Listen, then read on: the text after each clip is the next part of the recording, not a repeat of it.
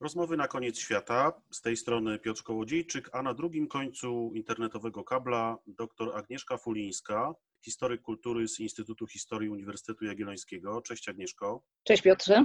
Spróbujemy porozmawiać dzisiaj trochę o epidemiach, chorobach, zarazach i innych świństwach tego typu, które dotykały e, ludzkość w czasach nowożytnych. Dzisiaj przechodzimy taki trudny okres, trudny etap w funkcjonowaniu naszych społeczności, ale niewielu z nas zdaje sobie sprawę, że tego typu wydarzenia, a nawet znacznie bardziej tragiczne, miały już miejsce w przeszłości. Epidemie dżumy, cholery, różnego rodzaju katastrofy i tragiczne, traumatyczne wydarzenia dotykały ludzkość w przeszłości przecież wielokrotnie. No i spróbujemy dzisiaj porozmawiać z Agnieszką na temat tego typu wydarzeń, które miały miejsce w Europie, także w Polsce 100-200 lat temu. Zacznijmy może od takiego wydarzenia, które miało miejsce w 1722 roku. Wtedy to ukazała się drukiem książka Daniela Defoe, znanego wszystkim naszym słuchaczom zapewne przede wszystkim z opowieści o przygodach Robinsona Crusoe, ale w 1722 roku ukazała się jego książka pod tytułem Dziennik roku zarazy, opisująca wydarzenia, które miały miejsce w Londynie w drugiej połowie XVII wieku, konkretnie w 1665 roku, czyli właśnie wielką epidemię dżumy, która nawiedziła Londyn w tym właśnie czasie. No i książka ta, wydawnictwo to stało się później inspiracją dla wielu innych opowieści o czasach zarazy, o czasach katastrofy, takiej jak epidemia, między innymi dżumy Alberta Camus, czy opowieści Gustawa Herlinga Grudzińskiego, czy Wojny Światów Herberta Wellsa. Właśnie. E, jak, jaki wpływ na kulturę europejską miała ta książka, czego dotyczyła i jak wpisała się w ten klimat, można powiedzieć, wydarzeń typu zaraza, które miały miejsce w tamtym czasie w Europie? To znaczy, przede wszystkim chyba waga tej książki jest taka, że nigdy wcześniej nie było tego typu świadectwa o mm, wielkim, ogromnym kryzysie humanitarnym, jakim jest wielka zaraza. Świadectwa, które z jednej strony już miało za sobą jakiś tam rodzaj rozwoju powieści, no jeszcze bardzo wczesny, prawda, bo oczywiście DV to, jest, to są same początki tak naprawdę nowoczesnej powieści. Niemniej to już jest, to już nie jest stricte historyczna relacja, to co on opisuje. Tutaj mamy, to zresztą o czym właśnie Herling Grudziński między innymi pisze w, w przedmowie do polskiego wydania, e, mamy tutaj to połączenie jakby narracji o charakterze historyczno-dokumentalnym z narracją o charakterze osobistym. I e, to, jest co to się rodzaj, podkreśla jest to rodzaj pamiętnika, można tak powiedzieć? Jest to rodzaj pamiętnika, z tym, że to nie jest taki typowy, to się nazywa e, dziennik roku zarazy, tak się, to, tak się o tym mówi, ale tak naprawdę Journal of the Plague Year się to nazywa po angielsku, więc mamy jakby teoretycznie ten rzeczywiście ten dziennik, ten, ten, tę naoczność wpisaną w sam tytuł, Niemniej tak naprawdę to jest ujęte prawie, że w taką formę powieściową, dlatego że tutaj nie mamy tych wpisów dziennikowych takich, powiedzmy tam 1 września, prawda, 2 września, 5 maja i tak dalej. Nie mamy dat podanych dokładnych, tak jak w dzienniku. Czasem on się oczywiście odwołuje do konkretnych dat w trakcie tej narracji, Natomiast całość jest ujęta w zasadzie, o tym się często mówi jako opowieści dokumentalnej, dlatego że tutaj w zasadzie jest pełna narracja od początku przeżyć autora związanych z zarazą, po jakby zamknięcie tego przy powiedzmy już wygaśnięciu tej, tej choroby. Także z jednej strony tutaj mamy bardzo dużo takich bardzo szczegółowych opisów konkretnych sytuacji historycznych, a zarazem właśnie to takie podejście osobiste narratora. Co więcej, tym trzecim elementem jakby jest to, że ten narrator jest w jakiś sposób do tego zdystansowany. On pisze o tym bardzo sucho, a zarazem osobiście. To jest fenomen rzeczywiście tutaj wybitnego pisarza swojej epoki, że potrafił pogodzić kilka takich e, przeciwieństw, mamy, mamy opisy szalenie emocjonalne, w sensie jak wejdziemy głębiej w to, co one, w to, co się tam mówi, a zarazem ta narracja, tak jak u Camus, stąd się między innymi e, mówi, że, że Albert Camus się zaczytywał w tym, w tym dzienniku, jest to narracja taka szalenie spokojna, szalenie wyważona, bez e, takiej jazdy po bandzie, powiedzmy, emocjonalnej. E, tam na przykład Defoe w pewnym momencie opisuje kobietę, która przez wiele godzin wyła po śmierci swojej córki na zarazę i my czujemy ten zarówno to, to zaangażowanie autora w te w opisywane wydarzenia, ale zarazem jego umiejętność zdystansowania się do tego takiej, czysto literackiej, narracyjnej. Więc to jest jeden z tych, to jest ten artystyczny powiedzmy wymiar tej książki. Natomiast to, co tu jest jeszcze ważne, to jest to, że rzeczywiście dostajemy obraz społeczeństwa podczas zarazy. No właśnie ponieważ o to miałem, Defoe... o to miałem pytać, jak, Mhm. jak ta książka, co ta książka mówi nam o społeczeństwie XVII-wiecznej Anglii, XVII-wiecznej Europy? To, co jest szalenie ciekawe, to jest to, że się nie ma wrażenia, że tutaj się czyta o społeczeństwie z konkretnego e, okresu. Oczywiście pewne realia historyczne tutaj mamy i nie wszystko by się dało przenieść w jakiekolwiek inne czasy, ale jednak to odczucie jeszcze jest takie, że w zasadzie on opisuje konkrety, bardzo konkretne rzeczy. Taka parafia Londynu, taki, taki kawałek, taka ulica, taki dom. To wszystko jest osadzone z jednej strony w konkrecie, a zarazem się ma wrażenie, jak się to czyta, że to jest bardzo uniwersalne. E, Że tak naprawdę wiele tych e, opisów można by przyłożyć nawet do tego, co się w tej chwili dzieje. Ja tutaj sobie parę, parę pozaznaczałam, ale no nie, chcę, nie chcę też e, za dużo tego oczywiście wszystkiego czytać, ale tutaj są zarówno historie o tym, jak na przykład ludzie poddani kwarantannie e, usiłowali oszukiwać e, władze, które im nara- tę kwarantannę narzuciły. Jest na przykład anegdota o jednym człowieku, który wiedząc, że jest dwóch konstabli, którzy kontrolują dzielnicę i jeden albo drugi oznacza drzwi zarażonych, tak że ten drugi niekoniecznie musi o tym wiedzieć, on sobie sam namalował takie oznaczenie, żeby każdy z tych konstabli uważał, że to zrobił ten drugi, a on sobie zatem przez ten czas wychodził, e, ile mu się chciało z tego domu. I oczywiście tutaj DV, tak jak współcześnie, no pokazuje tak samo niebezpieczeństwa tego typu, tego typu reakcji, tego typu e, zachowań, więc tak naprawdę należałoby w tej chwili to zrobić lekturą obowiązkową No w szkołach albo i w ogóle w To społeczeństwie. dość uniwersalne postawy, jak się okazuje w obliczu. Tak, tak, tak. Tu zupełnie właśnie jak się czyta, to, to się widzi nagle, to nagle historia nam sprezentowała taki bardzo niemiły dar, prawda, że zaczynamy widzieć, że ta powieść, którą się no, kiedyś tam czytało dawniej jako pewne kuriozum, jako pewien dokument y, dawnych epok, ona nagle zaczyna żyć gdzieś z nami. Tak nawiasem mówiąc, może trochę do roz- rozluźnienia tej e, atmosfery, przeczytam tutaj jeden, jeden kawałek, który mnie dosyć zawsze bawi.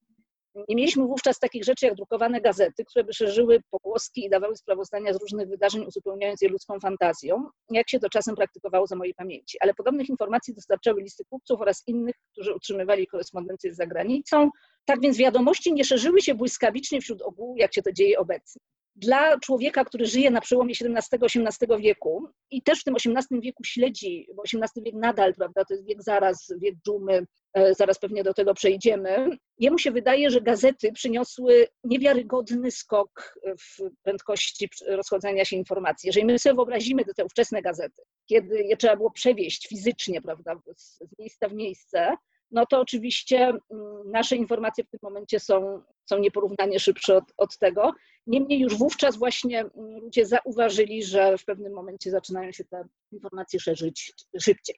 No niejednokrotnie było pewnie tak, że kiedy gazeta docierała na miejsce przeznaczenia, zawarte w niej wiadomości już były Tak, nieaktualne. były już bo- dawno nieaktualne. To są na ten temat, no ale to jest jakby zupełnie osobna, osobna sprawa. Natomiast no tutaj on, on też pisze o tym właśnie, że jakby początek tej epidemii w Londynie w tej połowie XVII wieku oczywiście miał też inny rodzaj rozchodzenia się informacji, co jest o tyle istotne, że oczywiście na początku ludzie też usiłowali ukrywać te, te informacje, nie dopuszczać do siebie takiej możliwości, że to się pojawiła zaraza. Tego jest dużo. Z początku też usiłowano, tak jak, tak jak w tym, co żeśmy obserwowali dopiero co, prawda? y, Próbowano twierdzić, że to jest tylko i wyłącznie ograniczone do jakichś tam dzielnic biedoty, że to są pojedyncze przypadki. E, Te przypadki czasem ukrywano, nie chciano ich y, ujawniać. Także w zasadzie mechanizmy też y, zachowań wobec pewnego zagrożenia, zagrożenia, które wtedy było całkowicie przerażające dla każdego, bo ludzie mieli pamięć tych zaraz. To nie jest tak, że w tym No 65 właśnie, tak, roku one się nagle zdarzały dość często. więc właśnie, one wracały co kilkadziesiąt lat i to raczej co 20 niż co 50. W zasadzie prawie każde pokolenie miało pamięć tego, że gdzieś w Europie, jeżeli nawet nie u nich, ta zaraza była. Ta wyjątkowość XIV-wiecznej zarazy, y, czarnej mm, śmierci, dżumy, polega na tym, że ona w zasadzie objęła całą Europę. Też na przestrzeni powiedzmy sobie kilkudziesięciu lat, no bo do Polski naprawdę dotarła dopiero w latach 60., zaczęła się w latach 40., więc to jest, to jest kilkadziesiąt lat podróży tej dżumy po Europie, ale to jest też kilkadziesiąt lat, przez które te informacje wędrują.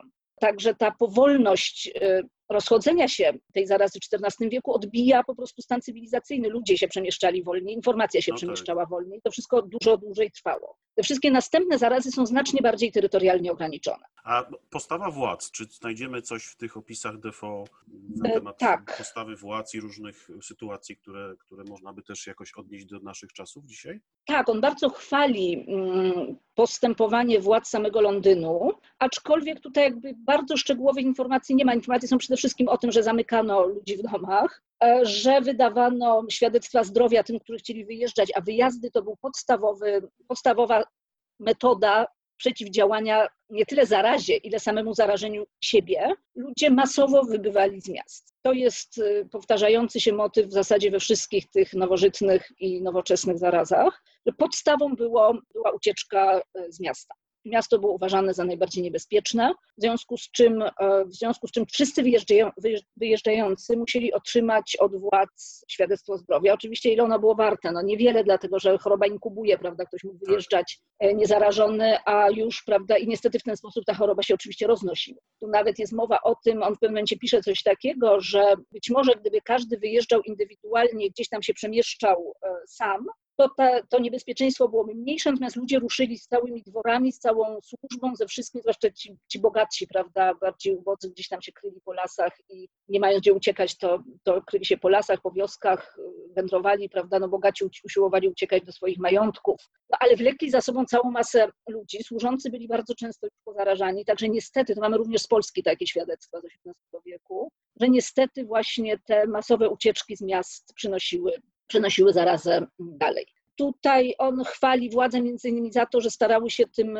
tym osobom, które były, w, to jakbyśmy dzisiaj powiedzieli, w kwarantannie, które były zamknięte w domach, odizolowane, starały się zapewnić wyżywienie, starały się w jakiś sposób je wspomóc. Natomiast no, problem polega na tym, że dżuma była chorobą, która w zasadzie miała bardzo niską wyleczalność. Jeżeli ktoś się zaraził, to już w zasadzie, to w zasadzie miał małe szanse przeżyć, w przeciwieństwie do koronawirusa, który jednak zabija stosunkowo mały procent ludzi. No oczywiście wszyscy się chronimy przed zakażeniem, przed tym, żeby nie zarażać innych, zamykanie całych rodzin z jedną osobą zarażoną w czasie dżumy, no w zasadzie oznaczało, że cała ta rodzina jest skazana na śmierć. Tak, bardzo mało. Oczywiście wiadomo, zawsze się ludzie, z każdej choroby ludzie, jakiś tam procent ludzi się leczy. Niemniej to była rzeczywiście choroba, która potrafiła zabić ponad połowę populacji miasta. Y, Władze musiały no. organizować też oczywiście różne sanitarne sprawy, prawda? Zresztą to jest ciekawe, bo na przykład do obsługi e, miast pod względem sanitarnym wynajmowano bardzo często katów i różne osoby z, z tych profesji najbardziej najgorszych, prawda, bo oni jakby no, nie mieli wyjścia, także, także bardzo często ten, który pomagał ludziom w czasie zarazy, był miejski kat. Jaka była skala tych epidemii, tej epidemii opisywanej przez Defoe, ale też innych w tym czasie? Masz jakieś e, źródła? E, z XVII wieku nie, ma, nie zebrałam dokładnych danych, ale natomiast dla XVIII wieku mam tutaj powypisywane dość e, dokładne, ponieważ ja się zajmuję XVIII-XIX wiekiem, więc powiedzmy sobie nie zbierałam bardzo dokładnie tego, jak to było wcześniej. Natomiast mamy, y, mamy takie dane na przykład dla Polski w latach 1702-13. Są oczywiście szacunkowe dane na podstawie aktów zgonów, na podstawie y, relacji, ale powiedzmy to się szacuje na 12 do 25% ludności, y, w, zależności od miasta, w zależności od obszaru. Akurat w tych latach do, do tej epidemii w Polsce dołożyła się wojna północna, która, która no nasz kraj, także tutaj to się, to się oczywiście dokładało. Szacuje się, że w Lwowie w tych latach, to jest zaraza w Polsce, to jest 1702 mniej więcej do 1713, na terenach polskich.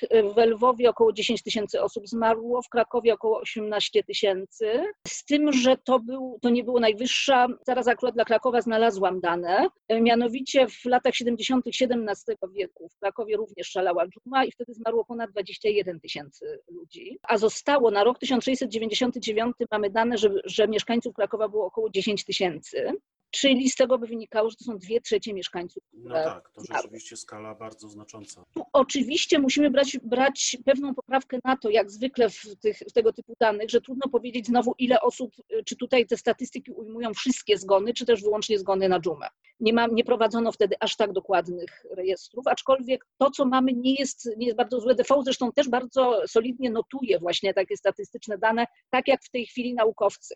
On wypisuje tam, w jakiej parafii ile osób zmarło danego dnia, to zresztą podawano czasem na kazaniach i tak dalej. Co jest ciekawe dla Krakowa, to jest to, że następnie te, te kolejne zarazy w XVIII wieku e, sprawiły, że miasto coraz bardziej upadało, ponieważ pod koniec XVIII e, wieku mamy dane o 9 tysiącach mieszkańców, czyli po 100 latach mamy o 1000 e, osób mniej w, w mieście, z czego wynika, że te zarazy XVIII-wieczne bardzo mocno wpływały nadal na to, że miasto nie mogło się rozwijać. No właśnie, tutaj e, Kraków rzeczywiście w e, początku XVIII wieku dość mocno został doświadczony tego typu wydarzeniami. W, Mhm. w, w kronice klasztoru Norbertanek, krakowskiego klasztoru Norbertanek, Mhm. siostra kronikarka zapisała, że były to opłakane czasy, Tak, właśnie ten początek XVIII wieku. tak, jest to E, dokładnie cytat z, z tej kroniki, tak, zgadza się. Rzeczywiście nałożyły się wtedy na siebie wydarzenia związane z sytuacją jakby geopolityczną, e, militarną, wojenną, e, konfliktami, Mhm. które miały wtedy miejsce, no i ta epidemia. Czy wiemy coś na temat tego, skąd te choroby przyszły, skąd ta choroba, bo mówimy tutaj, jak rozumiem, cały czas o dżumie, e, Mhm. skąd ona przyszła tutaj na, na, na nasze tereny, czy do Krakowa, czy do innych miast? Akurat w przypadku początku XVIII wieku najbardziej ro- rozpowszechniona opinia jest taka, że ona przyszła z północy. Że ona przyszła właśnie z wojną północną, z wojskami szwedzkimi. Kraków był na początku XVIII wieku okupowany przez Szwedów trzykrotnie właściwie. Także e, tutaj tak się twierdzi. W zasadzie jest bardzo trudno powiedzieć, dlatego że o ile my jesteśmy w tym momencie w stanie naprawdę prześledzić w miarę możliwości, a też też niedokładnie, znaleźć tego pacjenta zero, o tyle wtedy oczywiście notowano jako tego typu okoliczności coś, kiedy ktoś zauważył, że tak jest. No, my też do pewnego stopnia w ten sposób tego szukamy, ale jednak znacznie bardziej jesteśmy w stanie śledzić te, te, te drogi zarażenia. Zasadniczo uważa się, że większość tych wielkich e, epidemii miała jednak swój początek na wschodzie. E, Natomiast tutaj akurat dla tej, dla tej z początku XVIII wieku no, najbardziej jest prawdopodobne, że mm, rzeczywiście przyszła jakoś z wojskami czy to rosyjskimi, czy to szwedzkimi z północy. Że co ciekawe, ona tak naprawdę zaczyna się w Krakowie, a następnie wraca na północ Polski. No właśnie. Więc też właśnie nie mamy pewności, prawda? Tu jeszcze, Mhm. jeżeli popatrzymy w ogóle na, na Wiem, że są, dynamikę. wiem, że są też przekazy mówiące o tym, że później ta zaraza przeniosła się nawet do Szwecji, przywieziona. Tak, ona się- To jest właśnie ciekawe, że ta. XVIII-wieczna, ona to jest głównie północ i środkowy wschód y, Europy. Ona wtedy w zasadzie nie przeszła na, na południe, aczkolwiek też nie do końca, bo tak można przeczytać w części opracowań historycznych, ale jeżeli prześledzimy XVIII-wieczną dynamikę dżumy, to mamy 1702-1713, to to jest powiedzmy szeroko rozumiane obszary Polski i jej najbliższych sąsiadów, ale już w XIX roku mamy tę chorobę w Turcji, na Rusi Czerwonej i ona znowu wraca do Polski. E, Następnie roz, e, rozpościera się na Siedmiogród i na Bałkany. Ale w 1720 roku ją mamy w Prowansji, czyli na południu Francji, czyli już to jest poza tym obszarem, o którym się mówi, czyli północ i środkowo-wschodnia Europa. Ona się do tej Prowansji, wedle wszelkiego prawdopodobieństwa, tam akurat to można dość łatwo stwierdzić, przeniosła drogą morską, jak większość. Zaraz najczęstszą drogą, jakim, jaką zarazy dostawały się do miast europejskich, były statki przy, przyjeżdżające z innych obszarów świata.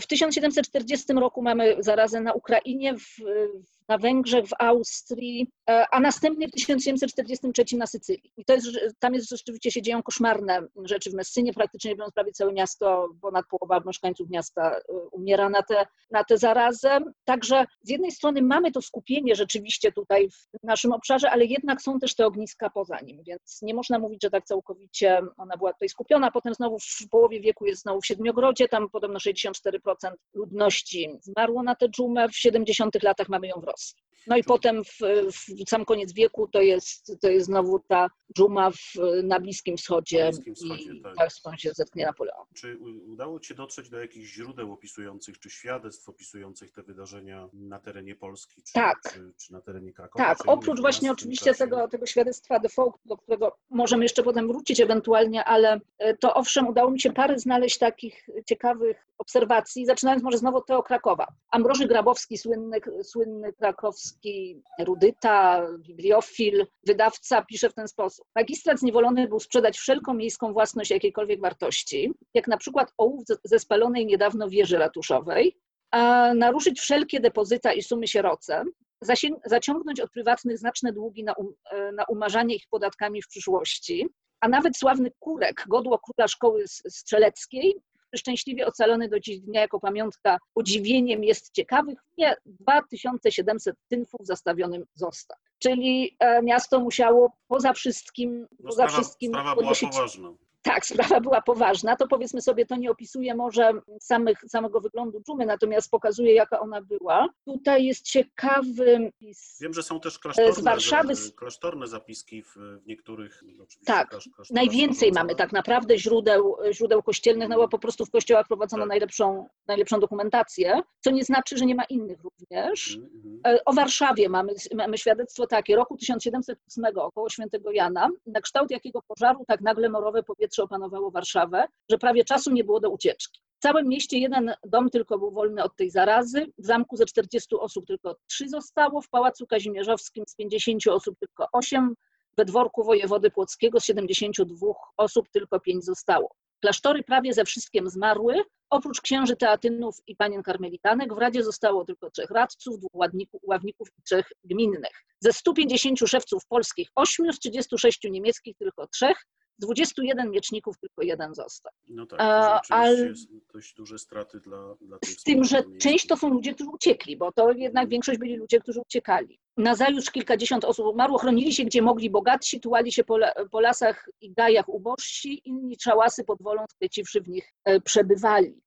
Tak, tutaj ci... są też świadectwa krakowskie mówiące o tym, mm-hmm. że rzeczywiście, tak jak już wcześniej wspominałaś, ci zamożniejsi mieszkańcy wyjeżdżali tak. najszybciej z miasta, mm-hmm. mieli najczęściej jakieś podmiejskie e, posiadłości e, tak. gdzieś w innych częściach. Chronili się czasem właśnie w parafiach, przy kościołach, tak. mm-hmm. z tym, że właśnie bardzo często niestety zanosili w ten sposób tę zarazę poza miasto. I to przekonanie, że to, jest, że to jest w ogóle kara boska, było jeszcze w tym XVIII wieku bardzo mocne. Tu jest takie bardzo ciekawe mm, świadectwo z Torunia, bo tak jak mówiłam, to zaraza z Krakowa szła na północ, ona doszła do Warszawy, następnie do Torunia, następnie do Gdańska, tam były te największe właściwie straty. E, I w Gdańsku mamy pamiętnik e, miejskiego aptekarza Georga Hankego, który pisał w ten sposób. Po tym, jak wielki Bóg e, zapragnął ukarać nas za nasze postępki straszną pestilencją, wraz z początkiem lipca od ludzi uciekających z zadżumionej Warszawy pozapowietrzały się domy w kaszczorków, w których ci się zatrzymali. Czyli uciekinierzy, prawda, przynieśli, przynieśli zarazę dalej. I stopniowo, krok po kroku, śmierć zaczęła ciągnąć nad przedbramie Jakubskie oraz na winnicę. W sierpniu mężczyźnie, który mieszkał w ogrodzie przy bramie prostej, zachorowała córka, która służyła u konpisarza i tak dalej, i tak dalej, prawda? To się wszystko zaczyna przez te różne kontakty ludzi przeżyć. Wyjaśnijmy Przy może jeszcze, bo użyłaś, zacytowałaś określenie mm-hmm. za, zapowietrzyła się. Wyjaśnijmy mm-hmm. może jeszcze, że to określenie, bo pewnie nie wszyscy je w odpowiednim tak. słyszeli, że ono nie dotyczy zepsutych kaloryferów, tylko tak jak dzisiaj najczęściej go używamy, tylko dotyczy osób, które zatruły się powietrzem, prawda? Tym tak, bo powietrze, powietrze morowe, powietrzem. Mhm. to było to określenie, które zresztą jest obecne w suplikacji tej słynnej, prawda, a konkretnie polskim dopisku do suplikacji święty Boże, w tym od powietrza, e, głodu, ognia i wojny zachowaj nas, prawda? I to jest zresztą dość ciekawe, że to, że to powietrze morowe występuje na pierwszym miejscu, a wojna dopiero na ostatnim. Trochę pewnie to wymusza rytm, ale zarazem e, to w jakiś sposób oddaje poczucie no, częstotliwość takie, że... pojawiania się. Częstotliwość i przede no. wszystkim jeszcze jedno, bezradność ludzi wobec tych mhm. rzeczy, no wobec właśnie, tak. E, choroby i wobec głodu w zasadzie nie było żadnej ochrony. Głód zresztą czasami bywał jeszcze gorszy, z, prawdę mówiąc, z momentów głodu mamy czasem jeszcze gorsze niż z czasów zarazy. Świadectwa o ludziach posuwających się do kanibalizmu, do, do ludziach zjadających trupy, ludziach zjadających własne dzieci. W czasie zarazy czegoś takiego oczywiście nie było, no bo poza wszystkim nikt się nie tknął tych, tych zwłok. Natomiast, natomiast na przykład no rzeczywiście miały miejsce makabryczne sytuacje takie, kiedy, kiedy wywożono te, te zwłoki i ten, tenże aptekarz toruński opisuje, że z, z niezakrytych wozów z plątaniną trupów zwisały ręce i nogi pomorków, okoła uderzały głowy i korpusy. E, był ten widok tak straszliwy, że, że tenże aptekarz postarał się o to, żeby ludzie zaczynali, jak on twierdził, ze strachu zaczynali chorować zdrowi. On się wystarał w Radzie, w Radzie Miasta, żeby, żeby zaczęto wywozić ludzi krytymi wozami zamiast takimi otwartymi, po to, żeby nie szerzyć paniki. Czyli w mhm. zasadzie też tak naprawdę mamy obrazy takie, jakie żeśmy dopiero co obserwowali o tych, o tych wojskowych ciężarówkach wywożących tak. W Bergamo, prawda, zmarłych. Także tak naprawdę jak się czyta te świadectwa z dawnych czasów, to, to naprawdę człowiek widzi pewne obrazy, które dopiero co żeśmy oglądali, aczkolwiek oczywiście to, co się dzieje współcześnie, no nie ma żadnego, żadnego porównania z tą makabrą po pierwsze dżumy, na którą rzeczywiście ludzie umierali na, na ulicach, z tym, że to była choroba, która powodowała potworne warunki higieniczne dodatkowo. Miasta już wtedy i tak niezbyt pięknie pachniały, a rzeczywiście zarówno te, te wrzody, te dymienice i to wszystko dodatkowo wydzielały wstrętny zapach, plus jeszcze na dodatek jednym z najbardziej popularnych sposobów walki z zarazą było okadzanie, czego się da i czym się da właśnie, rzeka. tak. E, Więc prawdopodobnie atmosfera w takich miastach rzeczywiście była dosyć makabryczna. Plus, jeżeli sobie wyobrazimy jednak to, że ludzie leżeli umierając na ulicach,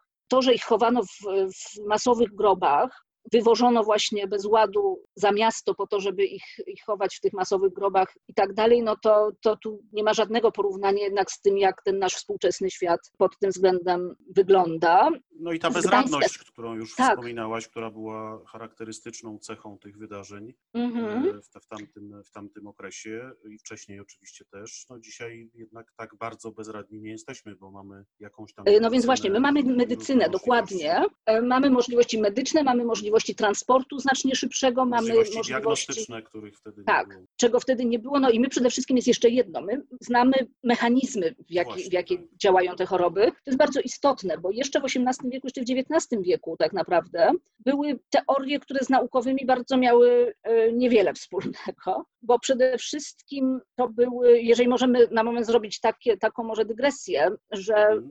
e, ludzie o tym między innymi pisze Delumeau w, w Strachu w kulturze zachodu, o tym, że istniało kilka teorii dotyczących tego, skąd się biorą e, zarazy i żadna z nich tak naprawdę, za wyjątkiem jednej, o której za momencik, nie miała żadnych podstaw, które dzisiaj moglibyśmy nazwać naukowymi. Pierwsza to oczywiście była teoria kary za grzechy i tego, że Bóg zsyła e, zarazę na miasta czy też na miejsca, w, któr- w których ludzie no, popełnili tyle grzechu, że jedyne, co można zrobić, to zesłać na nich zarazę. To jest zresztą To, bardzo to dość charakterystyczne chyba, dość charakterystyczna y, sytuacja, bo wiem, że w, w tych opisach, no ja najbardziej tutaj jestem w krakowskich sprawach Mhm. zorientowany jako Krakus. W tych, w tych zapiskach jest rzeczywiście sporo odniesień do, do, do kary za grzechy, sporo nawoływań Mhm. do, do nawrócenia, do oczyszczenia miasta z, z właśnie z grzechu, z, z różnych Tak, no o tym w zasadzie jest cała ta książka Jana Kracika Pokonać czarną śmierć. To jest w zasadzie prawie wyłącznie o, o tym, w jaki sposób lud w takich sytuacjach zwracał się do, do Boga, do świętych, Mhm. o opiekę, e, głównie o tym nurcie, między innymi dlatego, że właśnie tego jest, na ten temat jest bardzo dużo źródeł, a z drugiej strony no, była to jedna z dominujących, dominujących powiedzmy sposobów reagowania na, Mhm. na zarazę. Z trzeciej, no, że jest to pisane z perspektywy, z perspektywy kościelnej, więc oczywiście tamten dominuje, ale on był bardzo ważny. Ludzie do tego stopnia e, byli w stanie wierzyć we wszystko, co, co jakby wychodzi z ust kościoła, aż tam Kracik w pewnym momencie opisuje sytuację, kiedy bodajże przeor karmelitów na piasku w Krakowie Włoch wychodzi i, i mówi do tłumu po włosku, a ludzie reagują, prawda, tak jakby rozumieli, co on do nich mówi, e, bo działa jakby ta, ta psychologia tłumu i tego, że ktoś do nich wychodzi i coś tam mówi, do czegoś nawołuje, no i ludzie właśnie słuchali go z nabożną czcią, tak jakby mówił w języku, który mm, rozumieją. Tu jeśli jeszcze chodzi o te kary za grzechy, to bardzo ciekawy jest jeden element e, ikonograficzny, mianowicie zresztą dużo wcześniej też y, przedstawiano zarazę jako grad strzał y, wypuszczanych przez Boga, E, bo to miało symbolizować to, jak ona szybko i nagle uderza i zbiera swoje ofiary. Ale co ciekawe, to jest, to jest tak naprawdę motyw już antyczny, ponieważ dokładnie to samo znajdujemy u Homera, gdzie Apollo, y, Bóg medycyny, ale zarazem Bóg zarazy, razi właśnie strzela, strzałami No właśnie. zarazy. Natomiast bardzo następnie potem popularny stał się wizerunek Matki Boskiej, która trzyma w rękach połamane strzały Bożego Gniewu i to jest ta właśnie, która ma ludzi Chronić. chronić, ta Madonna ze złamanymi strzałami. Oczywiście było mnóstwo świętych, mnożono tych świętych, którzy się zajmowali e, zarazami, prawda, żeby do jak największej ilości tych pośredników się zwracać. Czyli to jest jakby podstawowa. To, jest w zasadzie to, o czym Delimot pisze, że są te trzy jakby, trzy kręgi, w których powstają teorie teorie zarazy, to jest y, krąg ludzi uczonych, krąg kościelny i anonimowy tłum. I tutaj właściwie w tym, e, w tym mamy poniekąd i ten krąg, krąg kościelny, i ten właśnie anonimowy tłum, tę te opinię publiczną w pewnym sensie, która właśnie się podpisuje przede wszystkim pod tę teorię gniewu Bożego. Ale zarazem bardzo popularna była koncepcja zwana astrologiczną, która twierdziła, że tak naprawdę za to, że mm, periodycznie, bo tu jeszcze oczywiście w to wchodzi to, że, te, że ludzie mieli poczucie, że zaraza po- pojawi się co jakiś czas. W związku z czym szukali pewnej regularności. Regularnością najbardziej oczywistą dla człowieka dawnych czasów są oczywiście regularności astronomiczne. W związku z czym szukano mm, wpływu ciał niebieskich jako odpowiedzialnych za pojawianie się zaraz. No i oczywiście starano się znajdować e, takie korelacje, że tutaj mamy, prawda, kometę, albo co gorsza dwie komety, albo jakieś koniunkcje planet, e, zaćmienia Słońca czy, czy Księżyca. To w XIV wieku się już takie, takie pomysły pojawiają, które sprowadzają na Ziemię, na ziemię e, zarazy. Pisał o tym m.in. polski historyk XVI-wieczny, na początku XVI wieku Maciej Miechowita, twórca skądinąd teorii dwóch sarmacji i całej tej sarmackiej tradycji w Polsce. On pisał dokładnie w ten sposób. Uczeni medycy wskazują na dwie przyczyny plagi, przyczyny niebieskie i ziemskie, albo innymi słowy, przyczyny wyższe i niższe. Przyczynami wyższymi zarazy są wpływy ciał niebieskich. To się jeszcze odbija w jednej e, teorii ówczesnej, mianowicie w teorii e, mikrokosmosu i makrokosmosu, tego, że ludzkie ciało jest odpowiednikiem wszechświata w pewnym sensie, w związku z czym istnieją zależności pomiędzy ludzkimi wewnętrznymi humorami i narządami, humorami, czyli tymi sokami organicznymi, a, ciałami niebieskimi, czyli jakby ciała niebieskie wpływają na to, jak ludzki organizm się zachowuje ta koncepcja, powiedzmy, może ona nie, nie przemawiała zapewne aż tak bardzo do, do gminu, do, do ludzi mm, z tych najniższych warstw, bo jednak wymagała, e, wymagała trochę, może jeżeli nie, nie wiedzy naukowej, to jednak pewnej, pewnej orientacji w teoriach, które dziś nazwalibyśmy pseudonaukowymi a jakieś takie bardziej e, zbliżające się do prawdy, do naukowości więc, tak, no więc jest, się pojawiały? Jest, jest, bo mm, teraz w zasadzie oprócz tych dwóch e, wcześniej omówionych jest jeszcze teoria, są jeszcze teorie, które w jakiś sposób usiłują szukać tych wytłumaczeń bardziej bezpośrednio w samej zarazie. I e, od, staro, od starożytności w zasadzie ciągnie się od Hipokratesa i Galena, ciągnie się teoria miazmatyczna,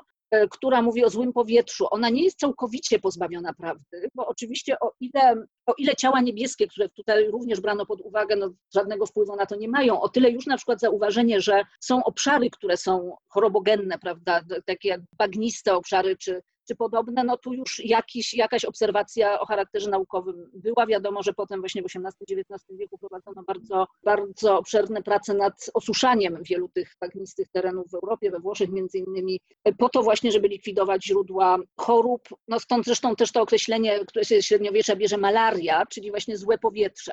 Na, na, konkretną chorobę, ale w zasadzie wówczas również w zasadzie na każdą, która się szerzyła taką drogą. W XVII bodajże wieku Thomas Sydenham stworzył teorię konstytucji epidemicznej, czyli tego, że, że te miazmaty są non-stop w powietrzu, ale tylko czasem się uzłośliwiają. I tu już on właśnie twierdził, że jeżeli się nagromadzi dużo tych miazmatów, to powstaje ten czynnik wyższego rzędu, czyli tak zwany duch epidemii. No tu jeszcze jesteśmy daleko od naprawdę naukowych, e, od naprawdę naukowych teorii, natomiast to ciekawe, wcześniej, bo w połowie XVI wieku Girolamo Fracastor, wenecki uczony i lekarz, napisał dziełko zatytułowane De contagione et contagiosis morbis, czyli o zarażeniach i e, chorobach zakaźnych, czy zakażeniach i chorobach zakaźnych. I on stworzył to, co się nazywa obecnie teorią kontagionistyczną, czyli rzeczywiście teorię tego, że choroby mogą być przenoszone w wyniku styczności pomiędzy osobami zarażonymi, czy też z, jakąś, z jakimś przedmiotem, który, który jest zakażony. Oczywiście Fracastor nie miał pojęcia ani o zarazkach, ani o bakteriach, ani o wirusach, ani o niczym, o czym dzisiaj wiemy.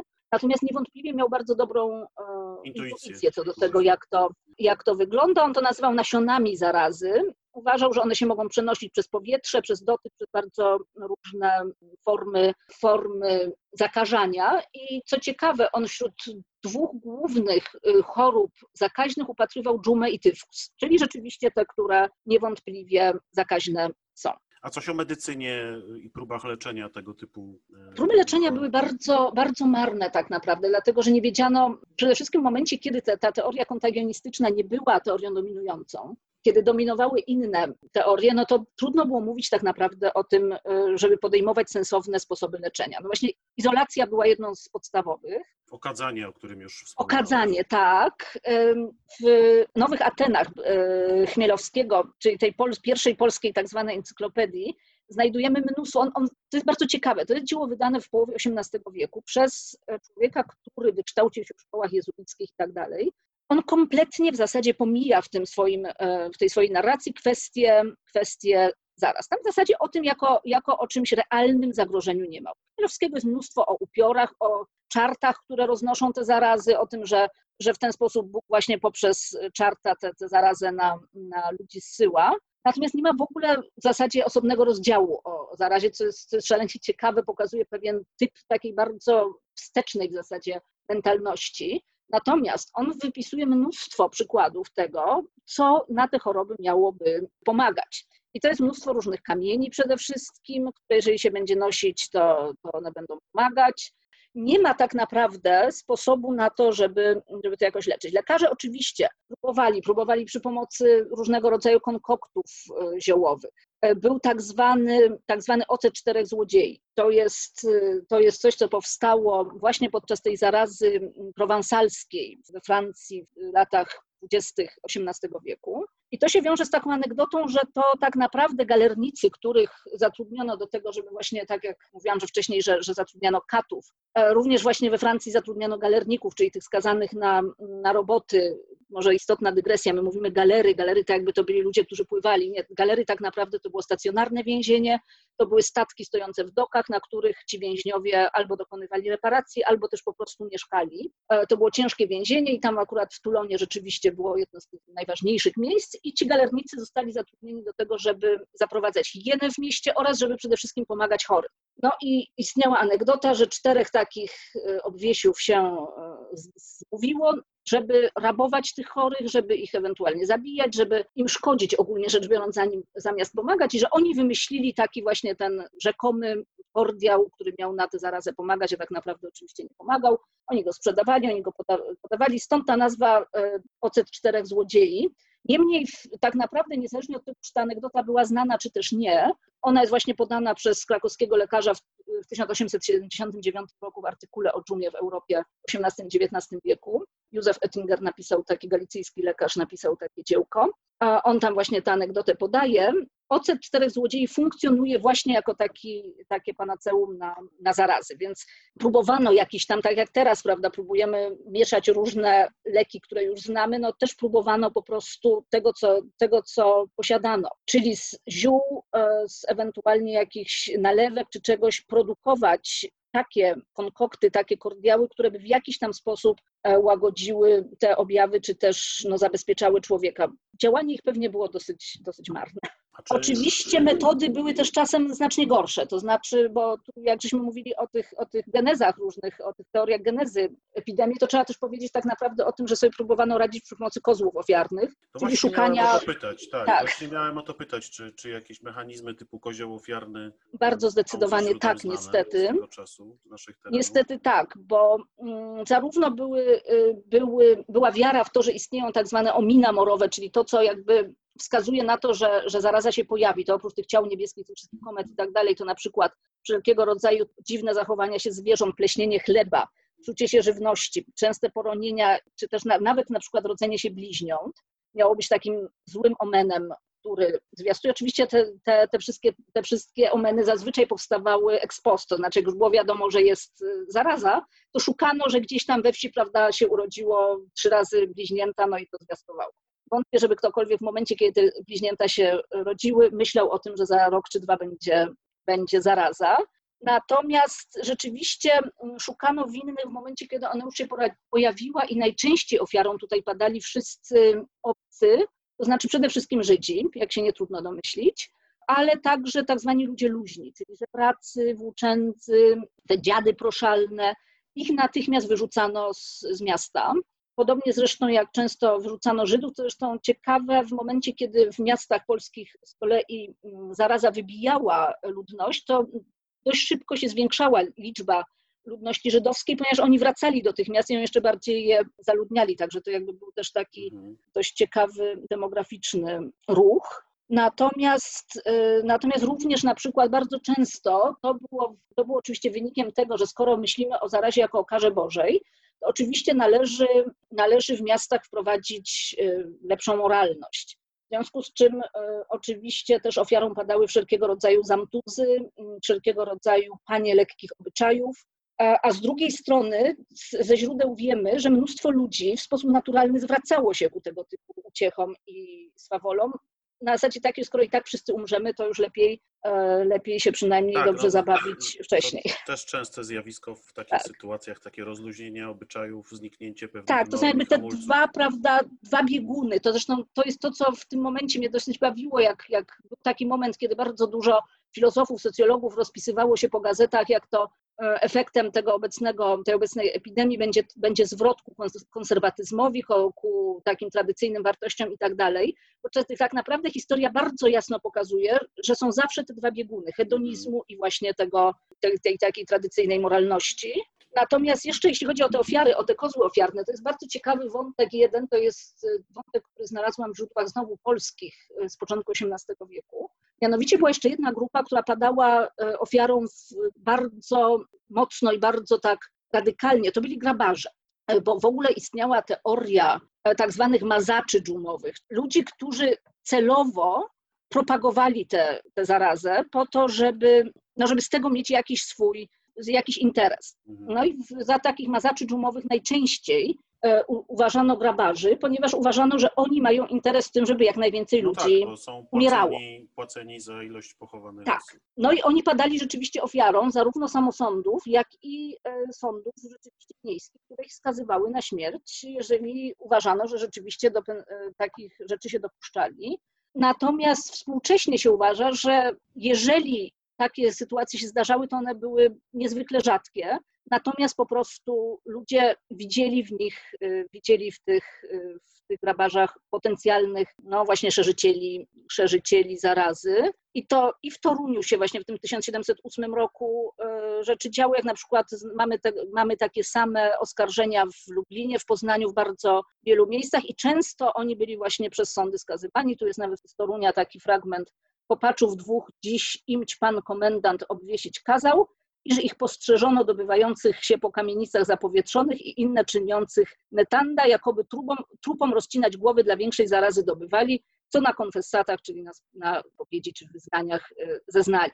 Tu jest jeszcze jedna ciekawa rzecz, mianowicie, ponieważ fantazja ludzka w takich sytuacjach dosyć nie zna granic, tych grabarzy posądzano również o to, że jak już e, wyciągają te mózgi z głów, to oni jeszcze na dodatek z tych mózgów preparują specjalne, znowu jakieś takie e, preparaty, e, konkokty, które następnie ludziom sprzedają, a przez to się szerzy zaraza no to rzeczywiście oskarżano ich o, okropne rzeczy i bardzo takie. Tak, tu nawet, tu nawet mam jeszcze.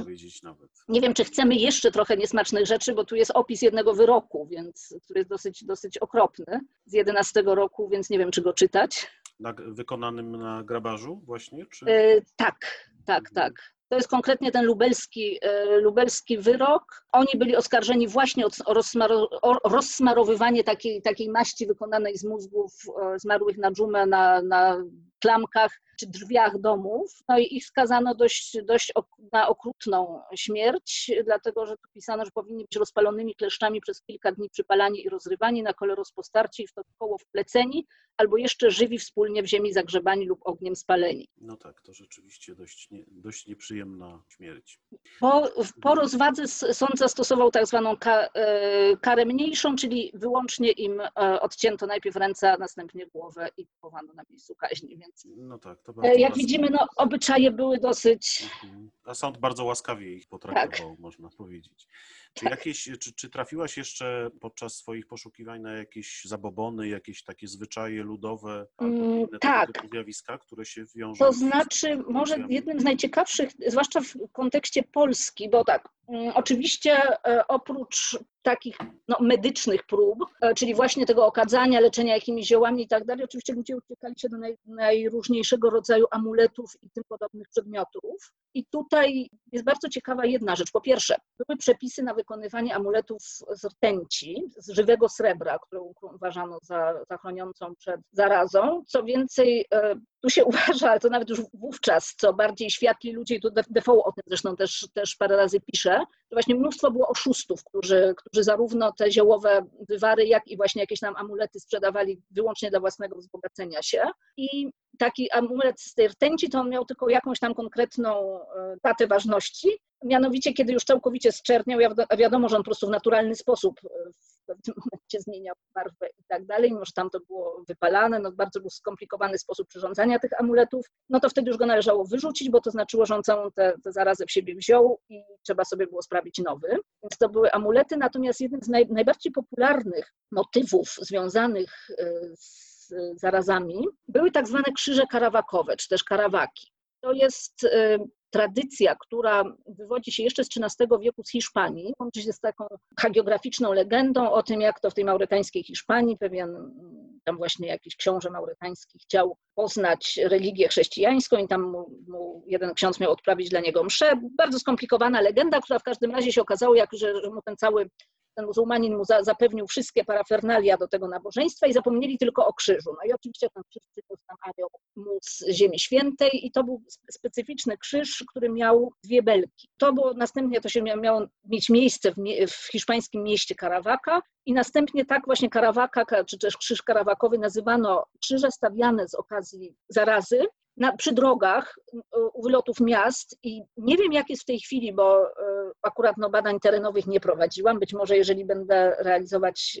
kiedyś projekt dotyczący tego szerszy i będą na to jakieś finanse, no to wtedy, wtedy być może się sprawdzi, czy ile ich jeszcze stoi, ale ze zdjęć międzywojennych wiem, że jeszcze, jeszcze, w, jeszcze międzywojniu stały te karawaki, między innymi na Warmii i Mazura, które były bardzo mocno dotknięte przez, przez te właśnie te wczesne XVIII-wieczne zarazy. To były takie właśnie duże krzyże z dwiema poprzecznymi belkami. To niekoniecznie są krzyże prawosławne, bo takie znamy również właśnie z tradycji prawosławnej, ale to są bardzo często te krzyże morowe właśnie i również takie noszono, noszono jako amulety. I to ciekawe. Dlaczego to jest tak naprawdę ciekawe? Otóż już w 1678 roku papież zakazał czci tych karawak, zakazał ich produkcji, zakazał ich noszenia, zakazał w zasadzie, no, bo z tym się wiązał ogromny przemysł, ogromne wierzenia i to był jeden z takich amuletów, które na dodatek, ponieważ na nie wypisywano różne skróty haseł teoretycznie wziętych czy to z aramejskiego, czy to z greki, ale one wyglądały jak magiczne napisy, zwłaszcza dla ludzi, e, którzy nie znali żadnych obcych języków i tak dalej. Więc szerzyły się oczywiście coraz to bardziej magiczne wokół tego e, wierzenia. No i papież w 1678 zakazał tego, tego kultu, ale w Polsce on przetrwał bardzo mocno, pomimo tego zakazu papieskiego. I w XVIII wieku te karawaki są ciągle bardzo popularne, krzyże są stawiane i te amulety karawakowe znamy właśnie z, jeszcze z tych czasów. Także jak widać, no zakaz papieski tutaj akurat wiele nie dał. Musiał się także rozwijać kult świętych pewnie, którzy... Tak, bardzo mocno. Przed zarazą.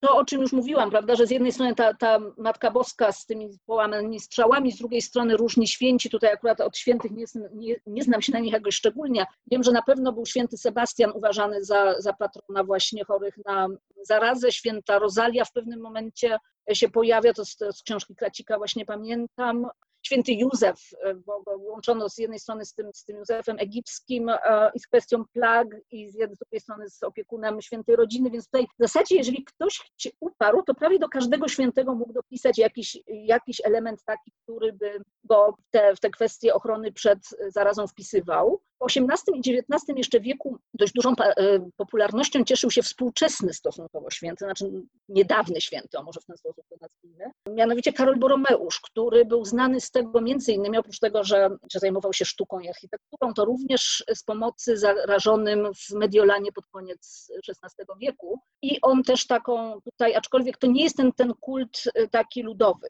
w tym kulcie ludowym to są raczej ci tacy bardziej y, tradycyjni święci. XVIII wiek to jest także czas, kiedy mamy z różnych części świata dość ciekawe świadectwa o sprzeciwie wobec prób leczenia lub szczepienia się, takiego pierwszego szczepienia się przeciwko różnym chorobom. Z, mm, tak, z tym, że to oczywiście mhm. szczepionki dotyczą przede wszystkim ospy w owym czasie, tak. czyli innej choroby. Ale one pokazują, te, te świadectwa, które mamy, pokazują mhm. Dość dobrze podejście, już częściowo wspominaliśmy o tym w trakcie mhm do, do samej choroby, prawda, jako pewnego e, boskiego wydarzenia o boskim charakterze, w sensie kary dla człowieka za grzechy i e, w związku z tym no, niemożliwości właściwie wyleczenia czy zaszczepienia się przeciwko, przeciwko tej chorobie. Tak, a, a to znaczy... Oskarżeń, nawet te, tego typu próby skończyły się oskarżeniem o herezję, prawda, czy, czy właśnie tak. sprzeciwianie się woli Bożej. Tak, w, tu jest taka sytuacja, że dość wcześnie, bardzo wcześnie podjęto próby, znaczy zauważano po prostu, że przejście jakiejś powiedzmy sobie łagodniejszej formy choroby, to oczywiście dotyczy głównie chorób wirusowych, zabezpieczało ludzi przed, przed następnie, przed tą chorobą. Ja oczywiście nie jestem lekarzem, więc tutaj nie, nie wypowiadam się w żaden sposób autorytatywnie o sposobach szczepienia, niemniej te wczesne inokulacje tak zwane były niebezpieczne, ponieważ wprowadzano do żywych organizmów materiał pobierany po prostu, żywy materiał z chorobowych zmian u innych ludzi, więc tutaj był problem taki, że to było bardzo niebezpieczne i pod koniec XVIII wieku powstają pierwsze szczepienia przeciwko ospie prawdziwej e, autorstwa Edwarda Jennera.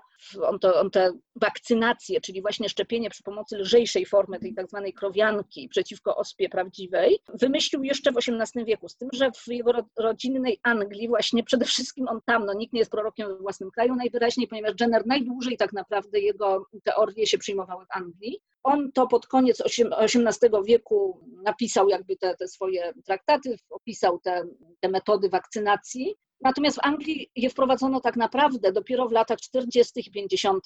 XIX wieku. W zasadzie pół wieku musiało minąć na to, żeby akurat tam się ta Vaccination Act pojawiła i żeby wprowadzono powszechny obowiązek szczepienia dzieci. Natomiast idee Jennera zostały przyjęte przez inne kraje i przede wszystkim mamy to w, we Francji. No tu jest kwestia po części taka, że, że akurat nie z Osmo, ale z dżumą się zetknął generał Bonaparte w czasie wyprawy egipskiej. Natomiast Natomiast y, już w 1800 roku, tuż po dojściu do władzy, powołał we Francji komisję do spraw wakcynacji i dość szybko we Francji wprowadzono powszechne szczepienia w armii oraz szczepienia dzieci. Tam również wprowadzono sytuację taką, że szczepienia były za darmo dla biedoty oraz organizowano darmowe pokazy tych szczepień w Polsce, na ziemiach polskich również one się pojawiają, pojawiają wcześniej, ponieważ zarówno Austria jeszcze wtedy dość szybko właśnie wprowadziła, tym może nie były to jeszcze powszechne szczepienia, ale w Krakowie już się pojawiają około 1800 roku i takoż w Warszawie władze pruskie wprowadziły, wprowadziły szczepienia przeciwko ospie.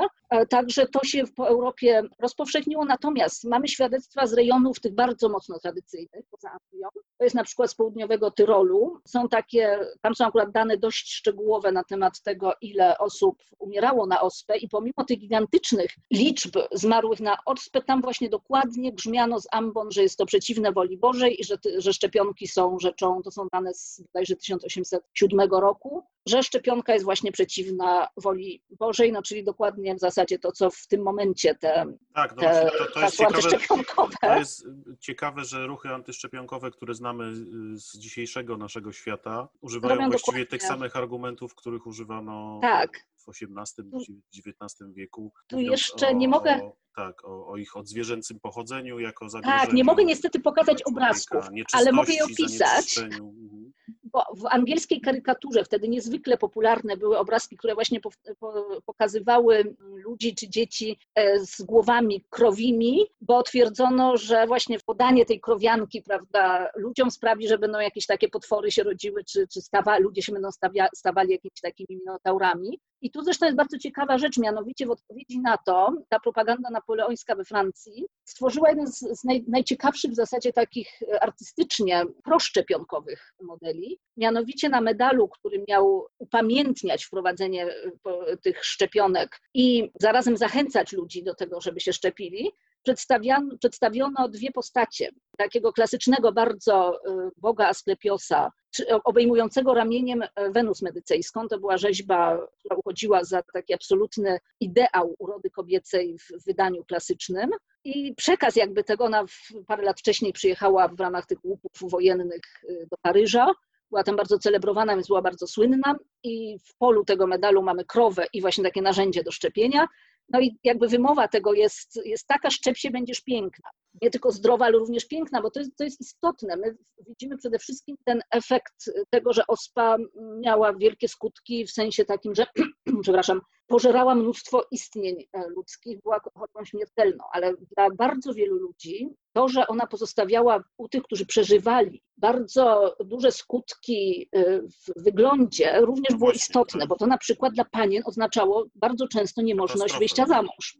Maria Antonina została królową Francji, dlatego że jej starsza siostra, która była przeznaczona na żonę Delfina, zachorowała na ospę i po prostu już była, no nie kwalifikowała się do królewskiego małżeństwa. Ta idea tego, że szczepionka chroni nie tylko przed potencjalną śmiercią na ospę, ale również przed oszpeceniem była tutaj dość istotna. Tak, to bardzo ciekawy aspekt i ta długa historia ruchów antyszczepionkowych tutaj mm -hmm. też powinna dać nam do myślenia. Spróbujmy podsumować sobie jakoś to, o czym mówiliśmy i stworzyć jakiś obraz e, społeczeństwa polskiego, a może szerzej europejskiego pod koniec XVII e, i w XVIII wieku i e, roli tych wydarzeń, tych chorób, tych zaraz w kulturze europejskiej tego okresu. Jakie miejsce byś wyznaczyła tym wydarzeniom w europejskiej kulturze tego czasu? To znaczy przede wszystkim to, czego my nie doceniamy, jest to, jak niezwykle powszechne było to zjawisko. W zasadzie nie ma pokolenia, które w jakiś sposób tej y, takiej czy innej zarazy nie przeżyło. Bo My w tej chwili jesteśmy zaskoczeni całkowicie powszechnością koronawirusa, e, mimo że mieliśmy w ostatnich latach ileś tam różnych epidemii, które jednakowoż były właśnie zamknięte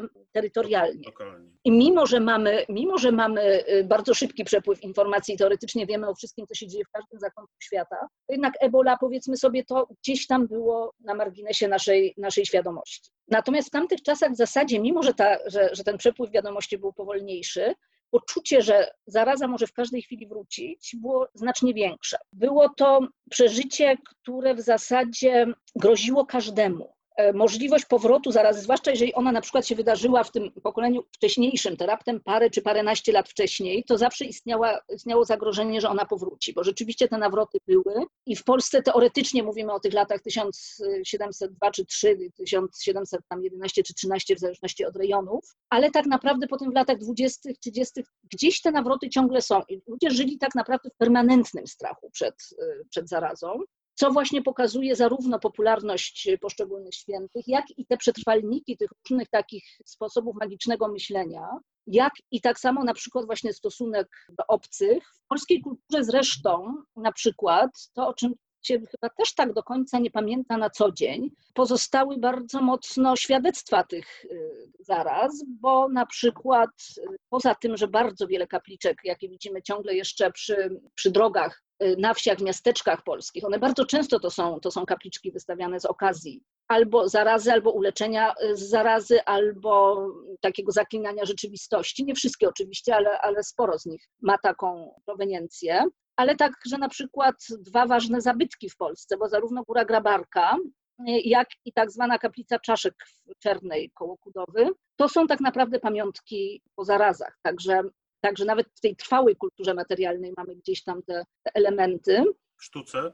No w sztuce oczywiście trwają ciągle te różne motywy wanitatywne, ale tak naprawdę bardziej to jest w sztuce religijnej właśnie tak naprawdę te, te, ta ogromna popularność obrazów związanych z tymi świętymi, którzy mieli chronić. W XVII wieku jeszcze bardzo popularne są różne tańce śmierci, takie rzeczy w XVIII wieku już pod wpływem oświecenia to troszeczkę zanika, aczkolwiek podejrzewam, że gdyby powędrować śladem jeszcze niezamalowanych w XIX wieku czy XX starych kościołów, to pewnie by się jeszcze znalazło tego typu motywy y, również właśnie gdzieś w malarstwie takim półnaiwnym po wiejskich kościółkach, aczkolwiek nie wiem, ile z tego miało się szansę dochować do dni dzisiejszych. To miało jeszcze jedno znaczenie, mianowicie te zarazy wyludniały miasta. W związku z czym no, prowadziły do tego, że po pierwsze miasta podupadały, no tak jak Kraków właśnie. Tak naprawdę XVIII wiek to jest, to jest wielki upadek Krakowa, który miał bardzo duże problemy z tym, żeby się podźwignąć po tej zarazie. W Ciechanowie, tu mam dane akurat z Ciechanowa, że, że w 1716 roku zaraza praktycznie wyludniła całe miasto. To miasto w zasadzie przestało istnieć. Tego typu wydarzenia mają też bardzo duży wpływ na, na demografię, ale także na, na poczucie bezpieczeństwa ludzi. Próbowano w, na początku XIX wieku wprowadzać na przykład różne reformy e, o charakterze higienicznym, ponieważ wprawdzie jeszcze też nie poznano dokładnie źródeł zarazy, a w dodatku ta, która się miała szerzyć głównie tą drogą e, higieniczną, czyli cholera jeszcze tak naprawdę nie zaistniała, bo to jest choroba XIX wieku, to jednak starano się poprzez na przykład to, że e, władze pruskie w Warszawie walczyły między innymi z obyczajem, który oczywiście nie jest tylko w Warszawie, z Warszawy mamy na ten temat bardzo dobre dane, z obyczajem wyrzucania śmieci na ulicę po prostu. Ludzie mieli zwyczaj najzwyczajniej pod słońcem wyrzucać wszystkie odpady, wszystko na, e, na ulicę, więc podejmowano pierwsze wysiłki mające na celu mm, choćby trochę uporządkowanie higieny miast. We Francji to jest początek budowy e,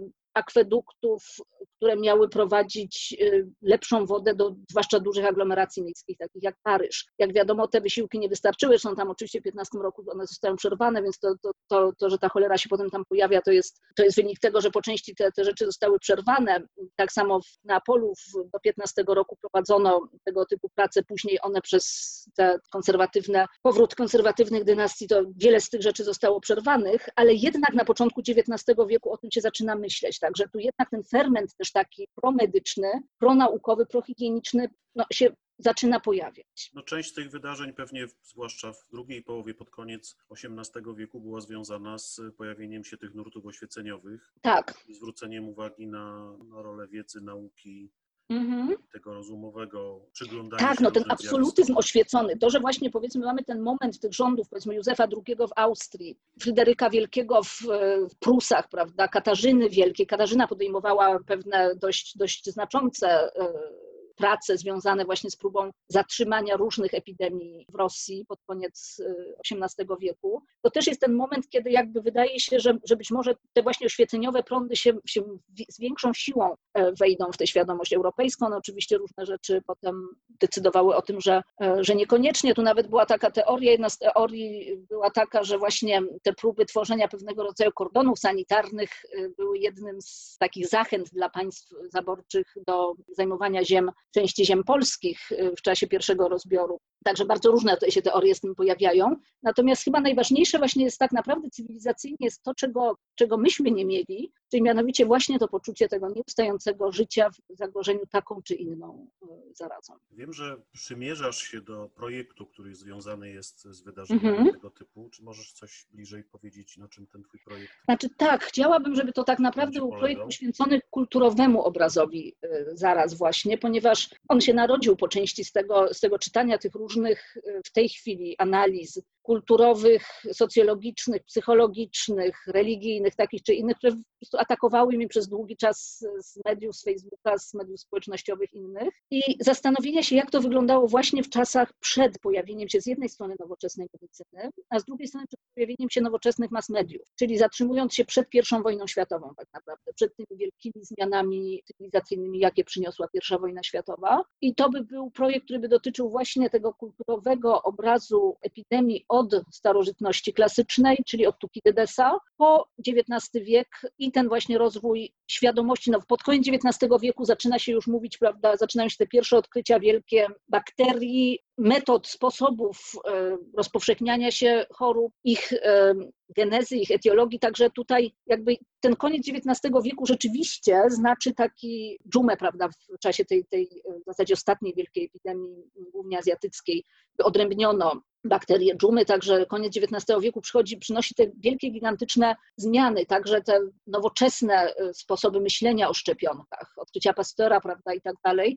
To wszystko nam całkowicie zmienia stosunek. Mnie interesuje to, co jest właśnie wcześniej, w jaki sposób e, z jednej strony ludzie próbują się bronić, nie, nawet czasami nie medycznie, ale chociażby psychicznie, bo tak naprawdę, jeżeli sobie pomyślimy o tym, o tej z jednej strony dewocji, z drugiej strony hedonizmie, to jest jakiś, jakaś próba eskapizmu, to jest jakaś próba ucieczki przed tym koszmarem, który dzieje się za oknem to oczywiście najbardziej znanym dziełem, jeśli chodzi o to, jest Boccaccio, prawda, i Decameron, ci ludzie, którzy chronią się poza miastem, w podmiejskiej rezydencji i opowiadają sobie ucieszne historie, historie zdecydowanie, prawda, właśnie hedonistyczne, po to, żeby oderwać się od tego koszmaru, który jest na, na zewnątrz, a zarazem Boccaccio pisze do tego wstęp, w którym opisuje tak naprawdę nawet mocno hiperbolizując to, co się dzieje na ulicach, bo on tam pisze o scenach, które być może nie miały nigdy miejsca, ale jednak w wyobraźni poetyckiej, w wyobraźni literackiej one urastają do znacznie bardziej groźnych mm, scen. Kiedyś, dzisiaj powiedzmy nasz, nam nadzieję, tak jak czytamy prasę, śledzimy te newsy dotyczące COVID-u, to czy na, nadzieję nam dają kolejne hipotezy naukowe, prawda? Czytamy, że może tu jest jakiś ślad genetyczny, który sprawia, że ktoś jest bardziej odporny. Czytamy o tym, co naukowcy mają na ten temat do powiedzenia, o tym, jakie są szanse, że będzie szczepionka. Rozważamy, prawda, jakie badania kliniczne będą potrzebne po to, żeby wprowadzić lek albo szczepionkę. W dawnych czasach ludzie mieli w zasadzie te zabobony, te amulety, jakieś pieniążki zarazowe, które miały im przynosić szczęście. I to jest to, co mnie tutaj najbardziej interesuje, jak ci ludzie starali się poza wszystkim psychicznie bronić też przed tą zarazą, a także właśnie w jaki sposób oni ją opisywali, jakie obrazy przeważają, jak wygląda ten stosunek właśnie do tych osób e, luźnych czy tych obcych, w jaki sposób te oskarżenia funkcjonują, bo tak naprawdę cała literatura naukowa dotycząca tych wielkich zaraz, ona się skupia na demografii, na ewentualnie na próbach ustalenia, jakie konkretnie znane nam dziś choroby, znane nam dziś zarazki stoją za konkretnymi epidemiami historycznymi. Mhm. To jest to, co mnie jakby mniej interesuje. Interesuje mnie to, co ludzie wtedy myśleli o tym, co ich spotyka. Ale ja myślę, że to też tutaj też możemy dostrzec zjawiska uniwersalne, które dzisiaj widzimy, no bo dzisiaj mamy inne możliwości oczywiście Mhm. niż, niż ci ludzie 100, 200 i 300 lat temu, no ale przecież słyszymy w ostatnich dniach, że serwisy pornograficzne na przykład cieszą się niezwykłą popularnością i wielokrotnie wzrosła ich odwiedzalność. Mówię No o tak, no. serwisach i to, to jest jakby ten sam mechanizm zapewne, prawda? Tak, ucieczka do, Tak. do tego rodzaju przyjemności. XVIII-XIX wieku nie było tego typu możliwości, więc inne, innych Mhm. szukano, prawda, innym się e, oddawano. E, Jeśli chodzi o ten drugi biegun, taki skrajny, to z kolei tutaj nie obserwujemy jakichś, wydaje mi się, że na razie nie obserwujemy jakichś znaczących wydarzeń, ale kto wie, czy one też w różnych częściach świata się nie pojawią jako efekt tych wydarzeń, może z jakimś opóźnieniem, ale No. też zaistnieją. są już powiedzmy sobie te ruchy o charakterze religijnym, które w zasadzie no prawie, że wprost nam mówią, prawda, że jest to kara Boża. Tutaj gdzieś mam taką W anegdotę. Izraelu, zdaje się, te, słyszałem o takim ruchu. Właśnie, mam piękną anegdotę tutaj, gdzieś miałam w- zapisaną w właśnie o tym, sposób. Jak to w Lesznie, o właśnie, jest taka anegdota też z początku XVIII wieku z Leszna. To brzmi mniej więcej tak. W Lesznie w tymże samym czasie mur się ukazał rozsrożony przypadkiem przez pustotę rzemieślników, którzy chcą, chcąc nastraszyć Żyda jadącego bryczką, udając celników przetrząsnęli towary na wozie i znaleźli pod surowymi skórami trupa z sinymi plam, plamami. Były to zwłoki, które poprzedniej nocy jadąc z Brodów, e, Żyda, który poprzedniej nocy jadąc z Brodów umarł i miał być potajemnie pochowany na pobliskim cmentarzu izraelickim. Uczestnicy swawoli tegoż dnia jeszcze się rozchorowali i prawie wszyscy zginęli, a oprócz nich 2000 mieszkańców. Lekarze uważali e, na chorych, gdy z niebezpieczeństwa wychodzili, pod czerwony występujący na twarzy. Doktor Arnold, lecząc zapowietrzonego, otarł swą chustką tę wydzielinę, a gdy przez zapomnienie użył jej także do ususzenia własnej twarzy, zachorował i umarł. Czyli właśnie mamy też tutaj ten element, e, element z jednej strony głupoty ludzkiej, prawda, która pokazała im tego, te, te, temu Żydu, Żydowi robić, e, robić głupi kawał, a z drugiej strony lekarza, który nie, który nie, Nie e, zachował nie prawda, o ten, ale jeszcze gdzieś był, była jedna anegdota, już konkretnie o tym, że nie, nie, znajdę teraz w każdym razie dokładnie o tym, że, że ktoś twierdził, to, to jest UDV, UDV jest taka anegdota, że był człowiek, byli ludzie, którzy twierdzili, że, że wszystko jest, jest zapisane w przeznaczeniu i wchodzili w związku z tym do domów zakażonych, no i oczywiście umierali, prawda, więc, e, więc takie, takie historie też się, też się zdarzały. To, co teraz obserwujemy, no to w zasadzie jest bardzo, e, bardzo podobne. Tak, jak się ogląda obrazy w telewizji, to czasem ma się wrażenie, że niektórzy, zwłaszcza politycy, wierzą, że oni są przeznaczeni do wyższych celów i oni się na pewno Tak, nie zarażą. I że im się nic, nic nie stanie, dokładnie. Skąd inąd takie sytuacje to są też opisywane y, w tym momencie, już nawet nie pamiętam, czy u UDV, czy u innego, mm, czy w innym, innych dokumentach, było właśnie dokładnie o ludziach, takie pomstowanie na ludzi, którzy, mm, to jest w polskich dokumentach akurat, pomstowanie na ludzi, którzy nie dbają właśnie o dobro publiczne, tylko wyłącznie gromadzą różne środki po to, żeby zabezpieczyć siebie. To jest, to, to jest konkretnie o władzach Warszawy, w tym sobie to przypomniałam, to jest o tym, że ta, takie rzeczy się zdarzały właśnie wśród miejskich rajców, którzy, którzy nie zważali na, na innych, tylko i wyłącznie chcieli zabezpieczyć siebie. No, jesteśmy bardziej podobni do naszych przodków. Jesteśmy niż- bardzo podobni. Niż nam się wydaje często i wiele z tych wydarzeń, o których y, mówiłaś dzisiaj, o których rozmawialiśmy, no rzeczywiście można by w sposób idealny dopasować do tego, co dzisiaj, no, może nie za oknem, ale na ekranach telewizorów obserwujemy. Bardzo Ci dziękuję. Wrócimy jeszcze do tego tematu, bo postaram się namówić Cię na rozmowę o przygodach Napoleona w kontekście, Mhm. w kontekście zarazy i, i tego typu wydarzeń. Może uda nam się kolejny ciekawy odcinek na ten Bardzo chętnie. na ten temat. I zrobić. ewentualnie właśnie o tej XIX-wiecznej cholerze, bo ona też Warszawy dotknęła dość mocno i się łączy z powstaniem listopadowym. Bardzo Ci dziękuję jeszcze raz. No i życzę, żeby ten projekt się udał, żeby mógł być zrealizowany, bo myślę, że on rzeczywiście no, bardzo duży zasięg chronologiczny i geograficzny tego projektu nakreśliłaś tutaj, ale gdyby on się udał, udało, gdyby Ci się udało go zrealizować, to rzeczywiście mógłby dostarczyć ogromnej ilości nowej wiedzy na temat roli tego typu wydarzeń w kulturze europejskiej, co jest chyba ciągle jeszcze tematem niezbyt dobrze zbadanym. Oczywiście jest wiele opracowań na temat poszczególnych wydarzeń, poszczególnych obszarów Mhm. regionu, miast i tak dalej, ale nie ma chyba rzeczywiście kompleksowych opracowań na temat roli tego typu wydarzeń w zmianach, w rozwoju no właśnie kultury europejskiej od starożytności, od czasów starożytnych do czasów no już nam bardzo Mhm. bliskich, czasu I wojny światowej, więc myślę, że to byłoby rzeczywiście bardzo ważne i bardzo e, potrzebne, żeby tego typu projekt udało Ci się zrealizować. Bardzo dziękuję jeszcze raz i do Ja dziękuję bardzo. Do usłyszenia.